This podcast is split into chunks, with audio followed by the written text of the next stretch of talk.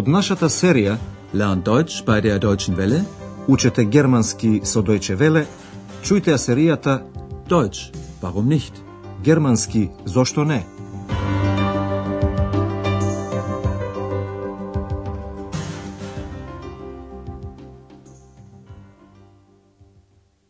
Liebe Hörerinnen und Hörer. Добар ден, почитувани слушателки и слушатели. Наред е 17-тата лекција под наслов Од каде доаѓа името Ахен? Woher комт де наме Ахен? Во последната лекција, Андреас им објаснува на зачудените родители како ја запознал екс. Тој сето тоа го раскажуваше во минато време. Најпрвин Андреас раскажуваше за една книга што ја читал. Обрнете внимание на перфектот со помошниот глагол haben и партиципот 2 со префиксот ge. Ich habe ein Buch gelesen. Андреас ја читаше книгата за малите джуджиња од Келн, кои ноќе ја вршеле работата на луѓето. Обрнете внимание на перфектот, особено на партиципот 2 со префиксот г и додатокот т. Die haben doch nachts immer die Arbeit für die Menschen gemacht. Андреас значи ја прочитал приказката и почнал да сонува. Ich habe also die Geschichte gelesen und geträumt. Андреас сонувал да добие иста помош, што го кажал гласно. Und dann habe ich laut gesagt, ich möchte auch so eine Hilfe. А ова го слушнал некој, имено Екс. Das hat jemand gehört. Во денешнава лекција нема да учите нови граматички структури. Нема да го придружувате Андреас во неговата работа во хотелот, туку во студирањето новинарство. Андреас прави репортажа за градот Ахен. Затоа врши интервјуа со луѓе на улица. Тој сака да дознае дали луѓето знаат од каде доаѓа името Ахен и што значи тоа.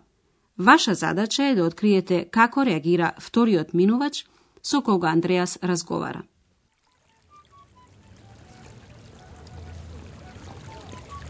Entschuldigen Sie bitte, ich möchte Sie etwas fragen. Tut mir leid, ich bin fremd hier. Entschuldigen Sie bitte, ich möchte Sie etwas fragen. Ja, was denn? Was meinen Sie? Was bedeutet der Name Aachen? Aachen? Wie meinen Sie das? Ja, woher kommt der Name Aachen? Nein, das weiß ich nicht. Wissen Sie das denn? Вториот минувач со кога Андреас разговара не знае од каде доаѓа името Ахен. Тој лично го прашува Андреас дали тој нешто знае воопшто за тоа.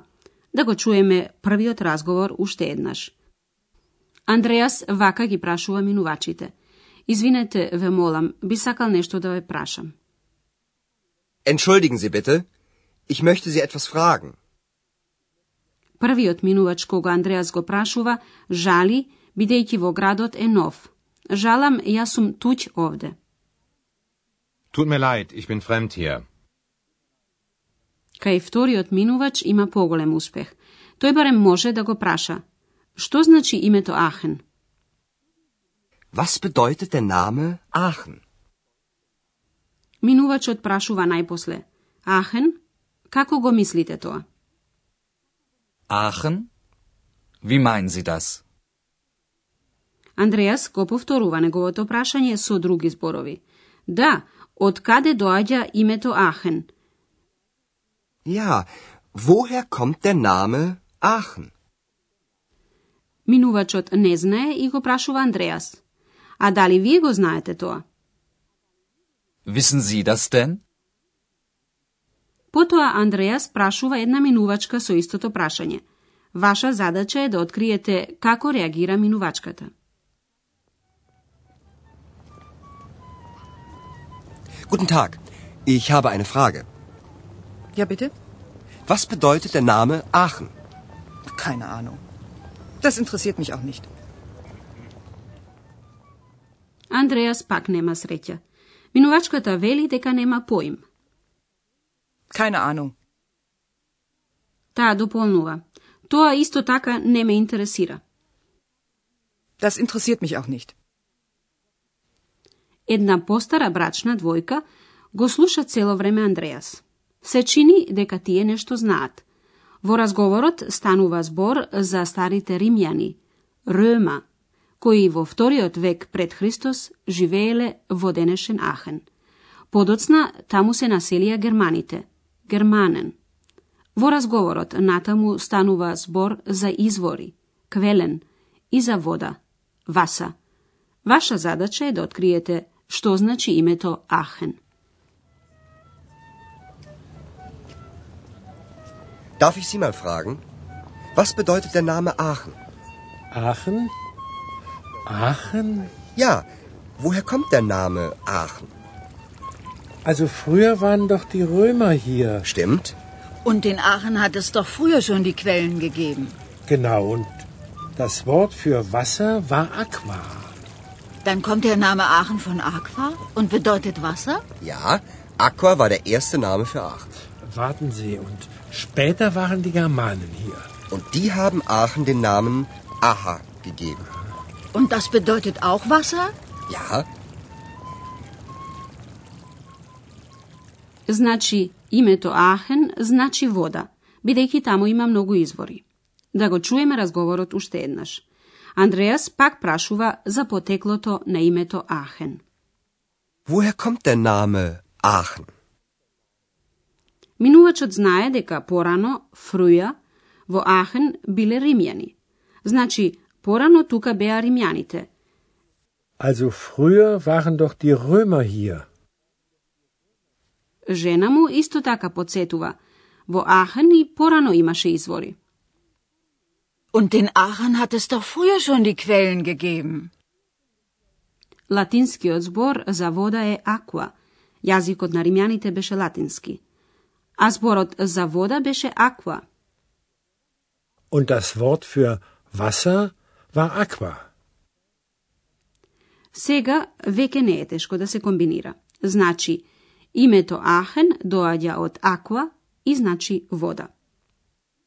Dann kommt der Name Aachen von Aqua und bedeutet Wasser?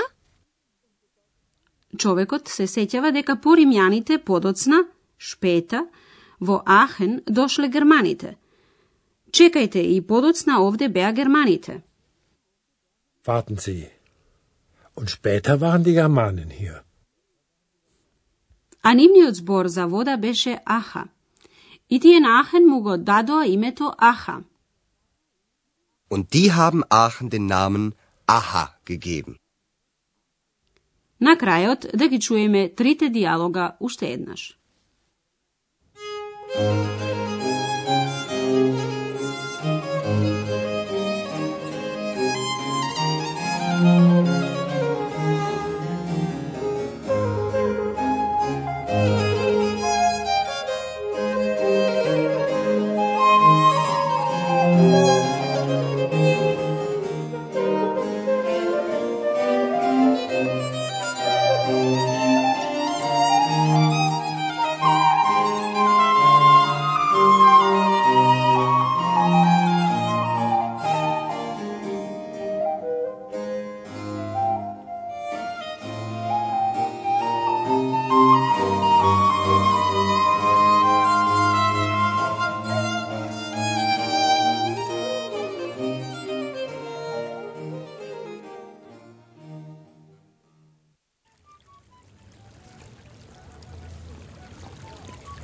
Entschuldigen Sie bitte, ich möchte Sie etwas Tut fragen. mir leid, ich bin fremd hier. Entschuldigen Sie bitte, ich möchte Sie etwas fragen. Ja, was denn? Was meinen Sie? Was bedeutet der Name Aachen? Aachen. Wie meinen Sie das? Ja, woher kommt der Name Aachen?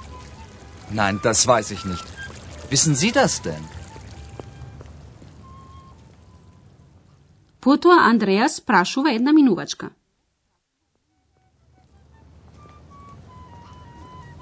Guten Tag, ich habe eine Frage. Ja, bitte? Was bedeutet der Name Aachen? Keine Ahnung. Das interessiert mich auch nicht. Една постара брачна двојка наоѓа решение.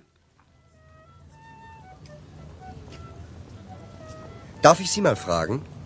Was bedeutet der Name Aachen? Aachen?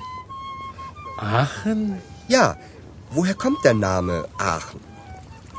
Also früher waren doch die Römer hier. Stimmt? Und in Aachen hat es doch früher schon die Quellen gegeben. Genau, und das Wort für Wasser war Aqua. Dann kommt der Name Aachen von Aqua und bedeutet Wasser? Ja, Aqua war der erste Name für Aachen. Warten Sie, und später waren die Germanen hier. Und die haben Aachen den Namen Aha gegeben. Und das bedeutet auch Wasser? Ja,